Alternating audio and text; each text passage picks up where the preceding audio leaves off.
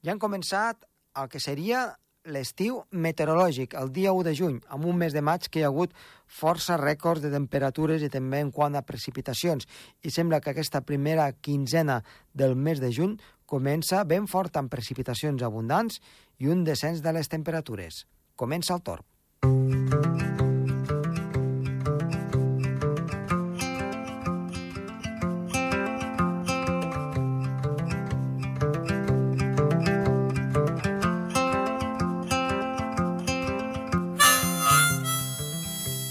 el programa d'avui tindrem a Carles Rossinyol, que és el director gerent de, en aquest cas, el portal Lugares de Nieve, que ens parlarà una mica de com acabar la temporada d'esquí eh, doncs arreu del món i també especialment aquí a Andorra, que ens espera també per aquest estiu a les diferents estacions d'esquí, també de l'hemisferi sud s'obriran o no obriran, i una mica de futurologia, podríem dir, del que pot passar especialment aquest proper hivern. També tenim la secció de Sergi Càrceles que ens parlarà d'algun fenomen meteorològic. Som-hi!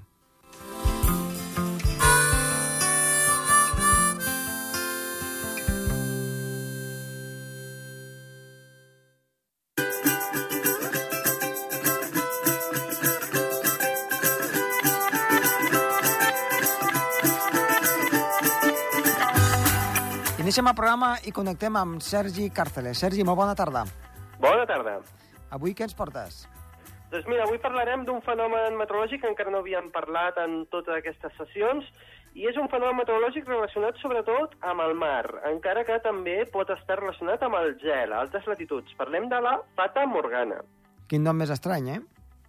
Doncs sí, és un nom que ve relacionat a antigues històries medievals. Estem parlant de la germana del rei Artur, uh -huh. que tenia la capacitat de transformar-se. Uh, està bé, la paraula fata morgana, en veritat la traducció espanyola seria fada morgana, perquè uh -huh. és una paraula italiana, i això ve doncs, amb totes les llegendes eh, doncs, també gregues i italianes que hi han hagut relacionat amb el mar eh, molts anys eh, anteriors.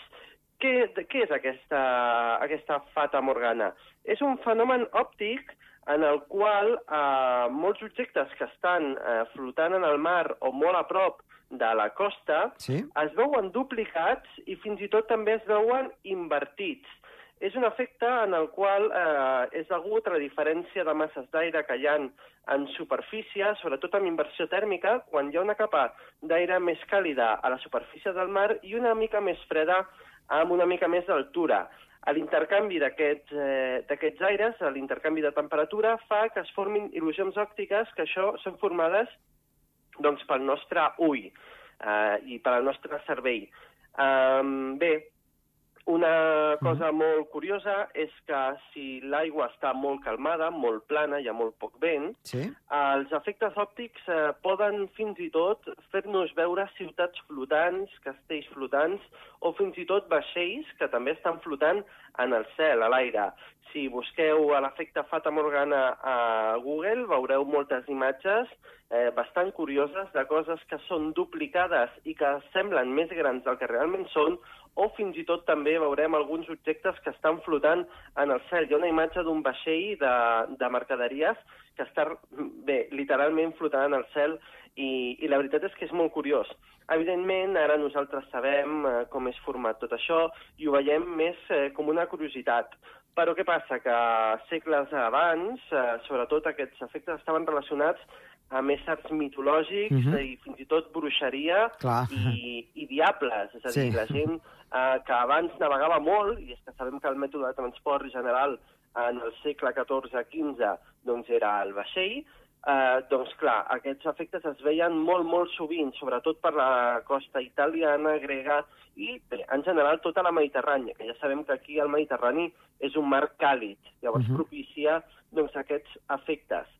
Però no només a zones càlides es pot veure això, sinó també en els pols. Ah, també? A zones amb latituds molt altes, on hi ha gel, i el gel també fa un efecte reflectant eh, que genera eh, doncs, aquest fenomen. També allà al haver diferències de, de temperatura bastant dràstiques segons en quins moments del dia, doncs també es veuen fates morganes en zones de l'Antàrtida i del Pol Nord. I tenen... Però vaja, a l'Antàrtida i al Pol Nord estic pensant a quin vaixell es pot veure, no? El què, el què?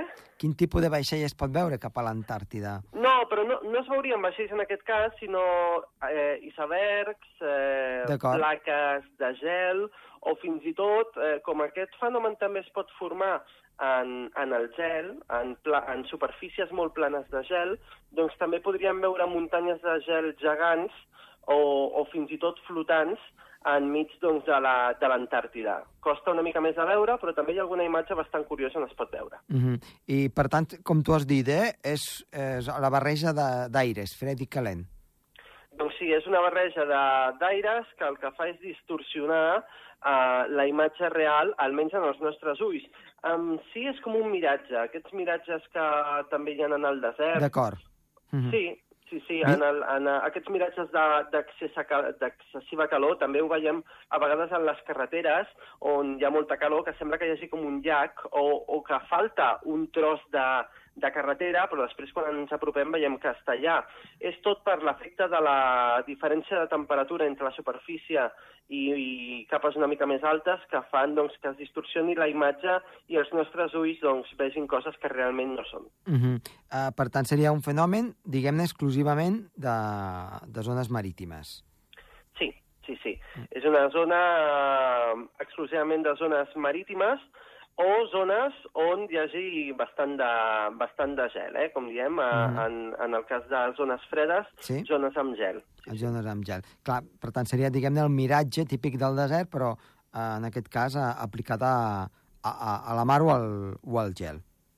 Sí, el que passa, la diferència que té en aquest cas és que els miratges que veiem en el desert Sí. eh, no fan que veiguem coses eh, dobles o Mhm. invertides, o, o, per exemple, illes eh, flotants, Mhm. per al fet de que també els miratges que hi ha amb temperatures més càlides distorsionen molt més la nostra visió, l'emborronen més i fa que no es vegi tan bé. Mm, molt bé. Doncs escolta, Sergi, eh, molt interessant eh, aquest efecte que ens has explicat. I res, t'esperem la setmana vinent. Molt bé, Moltes gràcies, adeu-siau. vagi bé.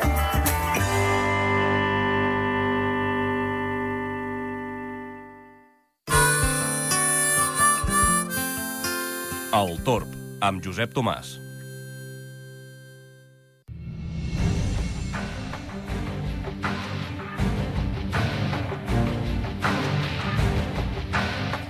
Avui en entrevista del Torb tenim el nostre company, amic, en Carles Rossinyol, de la revista digital, del portal digital Lugares de Nieve, que doncs, a l'inici de temporada i al final de temporada d'esquí, eh, juntament també amb Lugares d'Aventura, doncs, que abraça no tan sols l'hivern, sinó també, en aquest cas, eh, l'estiu i l'inici de la tardor, volem parlar una mica del que ha estat doncs, eh, aquesta temporada, una mica estranya, i què pot passar al llarg d'aquest estiu.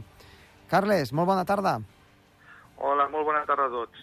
Doncs bé, el primer de tot, com ha anat eh, des del portal la temporada? Us ha afectat molt el tema del Covid? Ens ha afectat de dues maneres diferents.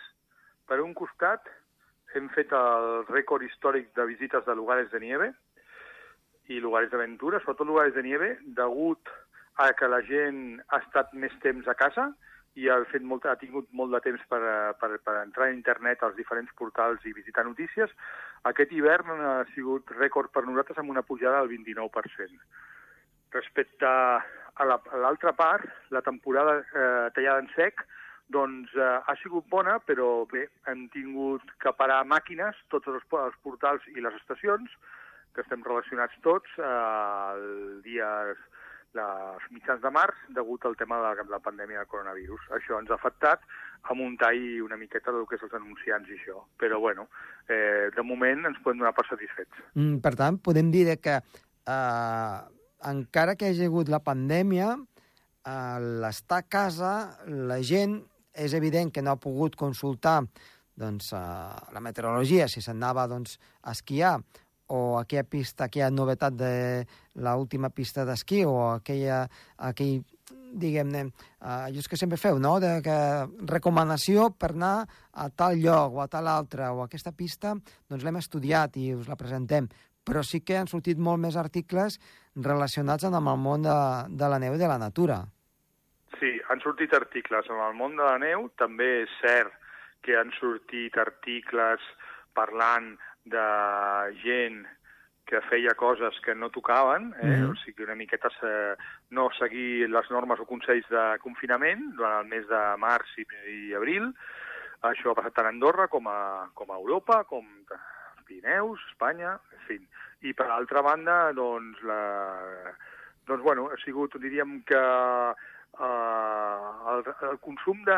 Es diu que el consum d'internet a Espanya ha pujat un 38-40% durant el mes de, durant el mes d'abril que última setmana de març i mes d'abril. Doncs això és, és perquè la gent ha tingut molt de temps per estar Uh -huh. a casa i per poder navegar i llegir coses de les que els interessaven. Doncs per, per posar-se al dia una mica, també. Sí, sí. Eh? Al cap i a la Sí. fi, és el que diuen, no? A río revuelto, ganancia de pescadores. Doncs mira, Sí. doncs, alguna coseta doncs, se n'ha de treure. Uh, anem a parlar de les estacions d'esquí. Com està d'aquest impacte eh, en general a Europa? Eh, si vols, comencem per Andorra. Val, Tiro, perfecte, eh, faig una petita foto d'Andorra, d'Espanya i d'Europa. perfecte. A Andorra eh, podem dir, per exemple, que la temporada anava camí de ser rècord. Rècord de facturació i rècord de visitants. Tot això fins, a, fins al 13-14 de, de març, que es va parar tot. Els Nadals havien sigut boníssims i el febrer havia sigut un, potser un 10% per sobre del, de l'anterior febrer que ja havia sigut dels millors. Els directors de les estacions d'Andorra ens deien que estava sent boníssima la temporada, tot i que no havia un excessiu, quan excessiva quantitat de neu, el bon temps i les bones condicions feia que totes les terrasses i que totes les estacions estiguessin funcionant eh, satisfactòriament. Això, això hauria significat, si no hagués vingut el coronavirus, una temporada de rècord, possiblement de les millors de la història, Mhm. a nivell de xifres, no parlo de neu. Eh, tanmateix, el degut al coronavirus s'ha quedat en una temporada normal, eh, per la tallada d'un mes d'activitat com a mínim. Mm. Uh, si parlem d'Espanya, Sí. els jocs on hi ha hagut neu, com podia ser Baqueira, com podia ser Ferrocarrils, són les seves estacions catalanes, o, o Aramont, la temporada també ha, ha passat de ser molt bona a normal. Eh, per sort, solament s'ha perdut un mes, la Setmana Santa. I si anem a mirar els Alps, per exemple, a França, el promig de caiguda ha sigut d'un 16% respecte a l'any anterior. Àustria també estaríem parlant, amb les estacions més grosses, també entre un 15 i un 20% de caiguda. Mhm. Recordem que les xifres de l'any anys anteriors han sigut molt bones. Eh, o sigui que podíem qualificar la temporada de normal. Eh, havia sigut molt bona, però s'ha quedat en normal. I això es podia extrapolar a Estats Units i altres països. Mm, Per tant, el, les nevades a temps que hi ha hagut amb tot el que ha estat, sobretot la campanya de Nadal i després fins a pràcticament Carnestoltes, això, diguem-ne, ho ha salvat. Sí, podríem dir que, que el temporal, simplificant molt, eh? Mhm. el temporal Glòria, Sí? o la llevantada Glòria, Sí? ha tingut coses negatives, però també n'ha tingut de positives. Mm positives ha sigut que per la, el Pirineu Oriental, per la part catalana, per la part andorrana, ha significat una, un gruix de neu que ens ha ajudat a, a fer anar tota la temporada ja eh, amb força normalitat i amb tranquil·litat. Sí, perquè, clar, eh, va caure més d'un metre i això, Sí. vulguis que no, ja, ja ho vam dir, eh? Dic, Això ja, doncs, home, fins Setmana Santa segur que aguanta. Sí.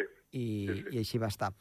Per tant, podem dir que dintre del que cap, doncs, bé, doncs la, la situació no ha estat tan malament, ha estat normaleta. Ha estat normaleta. Uh -huh. Ha estat normaleta, tirant a... algun cas tirant a bé, tot i que s'ha quedat aquest regust, mal regust de boca. mm, per tant, podríem dir que ha estat allò de sense beneficis, però puguem pagar a tothom i, i quedant, Sí. diguem-ne, a zero o un benefici, doncs, petitet. Sí. Això pot fer que no hi hagi potser massa inf noves infraestructures, nous... Eh, aquí, doncs, eh, ficar calés per, per la temporada vinent, potser la cosa serà menor. Mm. No a, a nivell espanyol no se sap del tot, a nivell andorrà tampoc. Sí que és cert que Baqueira, per exemple, ha comunicat que endarrereix la instal·lació d'una cadira. Mm? Eh, a nivell europeu hi ha diverses línies. Àustria, sobretot, que la seva indústria de l'esquí és la potser la més potent d'Europa, ha dit que la majoria d'estacions tiren endavant les inversions. Mhm. Zermatt destacaria l'estació suïssa Zermatt Cervinia a la part italiana, amb una inversió de 65 milions d'euros que continua endavant per, un- entre altres coses, per unir eh, via telefèric la muntanya del Pequeño Matterhorn, el Little Matterhorn, amb, la, amb Cervinia. Això continua endavant, allà hi estan treballant un altre cop, un de, després de passar el confinament, i el mateix podríem dir d'Estats Units. Una part d'Estats Units continua invertint i la part que, que controla Vail Resorts, que són bastantes estacions, aquests s'han dit que no invertiran en millores ni nous telecabines per de cara a l'any que ve. O sigui que hi ha diverses, en funció de, de, del grup, ha decidit coses diferents. D'Andorra, de moment, no, no podem afirmar res, no ho sabem. No tenim notícies de moment No. perquè estem tots una mica a l'expectativa del que pugui passar. Parlant d'expectativa, ara anem a... Doncs ja hem començat el, diguem-ne, l'estiu meteorològic, el dia Sí. 1 de juny. Eh, com es presenta a les estacions d'esquí, eh, diguem-ne, a totes les activitats, diguem-ne, de- d'estiu? Doncs, pot, eh, si parlem a nivell d'Espanya, estaríem dient que la majoria d'estacions eh, i diputacions i patronats i gent que una mica està i, i està ficada sobretot a les públiques eh, volen potenciar al màxim aquest estiu i volen i perquè són conscients de que hi haurà molt de turisme de proximitat, mm. molt de turisme de cotxe que anirà de famílies que aniran a passar el- a l'estiu a les muntanyes de, de la península. A nivell d'Andorra és el mateix. El problema és que hi ha la incertidumbre de, del tema de les, de les fronteres. La francesa ja s'ha obert, Sí. l'espanyola no se sap. Eh, I com hi ha un concepte de reciprocitat eh, amb fronteres, eh, per exemple, entre Espanya i França, doncs això és una incògnita, que aviat es resoldrà, pensem que serà positiu i que s'obriran fronteres, però mm, encara no ho sabem. A nivell d'Europa també s'estan obrint les activitats d'estiu. Els glaciars d'Àustria, de França i de Suïssa també obren tots. I el que no se sap és si obriran els glaciars austriacs. Doncs les, les normes són una mica més dificultoses i també intervenen els diferents, les diferents regions austriaques i les seves normes pròpies. Eh, és una incògnita. Uh -huh. Eh, de totes formes, l'estiu a nivell turístic s'hi cobrirà. Els Dolomites, per exemple, ja han anunciat l'obertura de so a totes les seves activitats d'estiu, de bicicleta, de, de randoner, de caminata, de totes les activitats pròpies de l'estiu. Uh -huh. Estem, diríem que cada dia s'estan coneixent noves notícies. D'acord, per tant, sembla que hi haurà una arrencada i Sí. depèn de com evolucioni, doncs, eh, si més no, doncs es podrà fer alguna cosa. Sí, Uh -huh. um, I ara, doncs, la gran incògnita, no? Una mica, um, ens anem cap a l'hemisferi sud. Què passarà allí? Ara, doncs, Àustria, perdona, Austràlia, sí. eh, Nova Zelanda, Xile, Argentina... Sí, doncs eh, això és interessant també perquè també ens va bé una miqueta per veure com podria ser el proper hivern a, a Europa. És molt difícil, eh? Perquè la, la pandèmia ara està encara en força i d'aquí uns mesos no sabem. Eh, eh, podem dir que Nova Zelanda obrirà, obren totes les estacions amb algunes limitacions sobretot de distanciament dintre de, de la gent, les normes de distanciament a les cues i als edificis. A Austràlia també obre tota, obren les estacions, obren aproximadament sobre el 20 de juny, i llavors, el cas de Sud-amèrica, eh, algunes estacions de Sud-amèrica, de lo que és Argentina, volen obrir, diríem que la, la major part, però estan pendents de decisions del govern i del fet de que Argentina, sense el turista, eh, pràcticament es queda amb el 20% del seu, del seu, de la seva facturació normal i de la seva afluència, perquè depèn molt del turista, sobretot del brasileny i d'altres turistes que, hi venen a esquiar. El turista eh, local, diríem, el propi, és, és, és limitat i també influ, influeix molt el que són les línies aèries.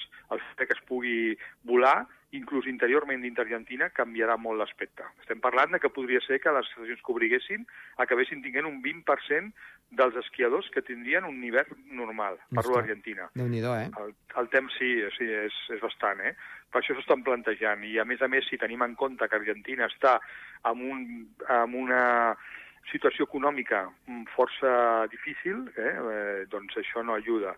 Eh, per altra banda, hi ha, Xile, que també depèn molt del turista brasileny, molt, i que en principi sí que volen obrir, tot i que encara no hi ha informacions totalment certes. Eh, el que sí que està clar és que les dos, les dos països sud-americans sí, el seu volum d'esquiadors serà molt menor al d'anys anteriors. Uh -huh. Per tant, és un, es presenta una situació complicada encara en plena pandèmia en, en aquests països, no? Molt complicada, sí. Uh -huh. uh, pujarà el nivell de... el preu del forfet? O s'ha de mantenir? És una bona pregunta. Et refereixes a Sud-amèrica? Clar, Sud-amèrica. De, a... mo... de moment a Sud-amèrica, clar. Doncs eh, la veritat és que dependrà també, depèn una miqueta, amb el cas argentina, sobretot depèn del canvi amb el dòlar. El problema que té Argentina és que està, eh, està molt a prop del, de l'impagament eh, econòmic i això fa que la seva moneda es devaluï i que tinguin que pagar el forfait en dòlars. Jo crec que com més va tocar l'any passat no serà eh, per, sobretot per l'argentí, que és el que ho patirà. Al final l'europeu, que, que no hi podrem anar, eh? si poguéssim anar, ens sortiria bastant econòmic, bastant ja. més econòmic que hi ha a Argentina que a Xile. Xile és més car. Uh -huh. I ara, doncs, eh, si ens anem a Europa altra vegada, a casa nostra, sí. eh, fem una mica de futuròlegs. Com ho veus per la temporada vinent? A veure, a, a mi em resulta difícil, ho he pensat, eh? Posem-se en el pitjor dels casos. Ah. Amb el pitjor dels casos? De què? Amb el doncs... pitjor dels casos, jo, eh, jo sóc positiu, eh? Soc, soc optimista i he parlat amb directors d'estacions i són optimistes, sobretot a, a estacions espanyoles. Uh -huh. eh, tot i això, eh, hi ha una incertidumbre, per exemple, que ha fet Andorra, que seria el, el visitant estranger i el visitant d'Inglaterra i el visitant rus, i veure com estaran les companyies aèries, com van els bitllets i com estarà tot l'hivern que ve. Això serà molt important. Uh -huh. Per altra banda, amb el pitjor dels casos, amb el fet que hi haguessin mesures de distanciament encara com les que tenim ara a l'estiu, a l'estació de glaciar, estem parlant de com remuntador. Una cadira de 4 i podrien anar a 2. Uh -huh. Un telecabina de 8 o de 10 i podrien anar a 2. Se, eh, hi podrien anar més si fossin de la mateixa família i nucli de, i nucli de, on, on viuen. Uh -huh. Llavors, eh, això limitarà l'afluència. Eh, després, segurament, se potenciarà molt les ventes online per fer menys cues, per tindre una previsió d'aforament diària. Ja. Eh, per aquí pot eh, els temes, eh, millorar la tecnologia, controls de tecnologia, fer servir la tecnologia i, la, i el Big Data per fer els controls de volum i afluència d'esquiadors a les diferents àrees eh, crítiques, com pot ser l'entrada d'una telecabina o el peu de pistes. Això és molt probable que s'apliqui. Uh -huh. I això, la venda online, i després doncs, eh, hi ha la part positiva que l'esquiador per si va ben tapat i va ben protegit, amb el qual el contagi sembla que no seria tan important, eh? No, no sóc un expert. Uh -huh. Però sí que és cert que on potser hi ha més risc és a l'escua o a la restauració, que potser tindria una limitació d'aforament. Molt bé. Eh, doncs, uh, Carles, moltíssimes gràcies per estar avui aquí amb nosaltres. Recordin que poden seguir eh, Lugares d'Aventura, Lugares de Nieve a, al portal web i esperem que la temporada que ve doncs, sigui molt millor que no pas uh, aquesta. Gràcies i fins la propera. Una abraçada a tots, moltes gràcies i que la temporada sigui, que ve sigui bona per tothom. Així ho esperem. Adéu-siau. Adéu.